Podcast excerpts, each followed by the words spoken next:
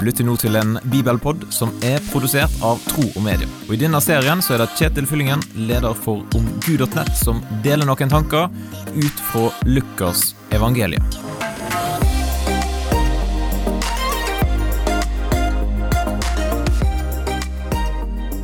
Hva er lurt å gjøre når en skal ta et vanskelig valg?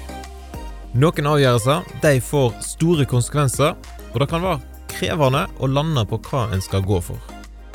I evangeliet etter Lukas kapittel 6 vers 12-16 så ser vi hvordan Jesus prioriterte før han skulle ta et avgjørende valg. På denne tiden gikk han en gang opp i fjellet for å be, og hele natten var han der i bønn til Gud. Da det ble dag, kalte han til seg disiplene sine, og av dem valgte han ut tolv som han også kalte apostler. Det var Simon, som han også gav navnet Peter, og hans bror Andreas, Jakob og Johannes, Philip og Bartolomeus, Matteus og Thomas, Jakob, sønn av Alfeus, og Simon, som kalles Seloten, Judas, Jakobs sønn, og Judas Iskariot, han som ble forræder. Jeg vet ikke om jeg hadde klart å holdt meg våken ei hel natt i bønn, men dersom du sliter med å sove, for da du står framfor et vanskelig valg, kan da å be være et godt tips å ta med seg ifra Jesus her. Men la du merke til én ting i teksten?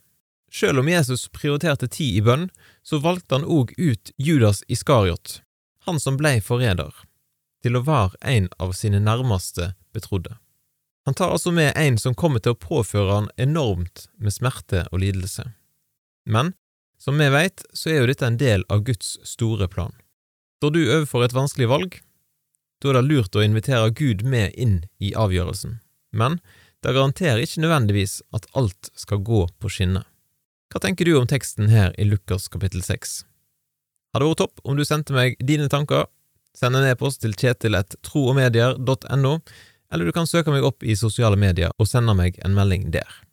Og skulle du ha lyst til å dele Bibelpodden med noen som du kjenner, så hadde jo det vært kjempestas.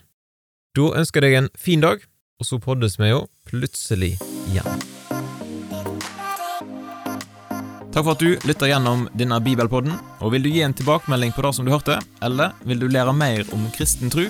Da kan du gå til nettsida omgud.nett. Eller du kan sende en e-post til kjetil.troogmedia.no.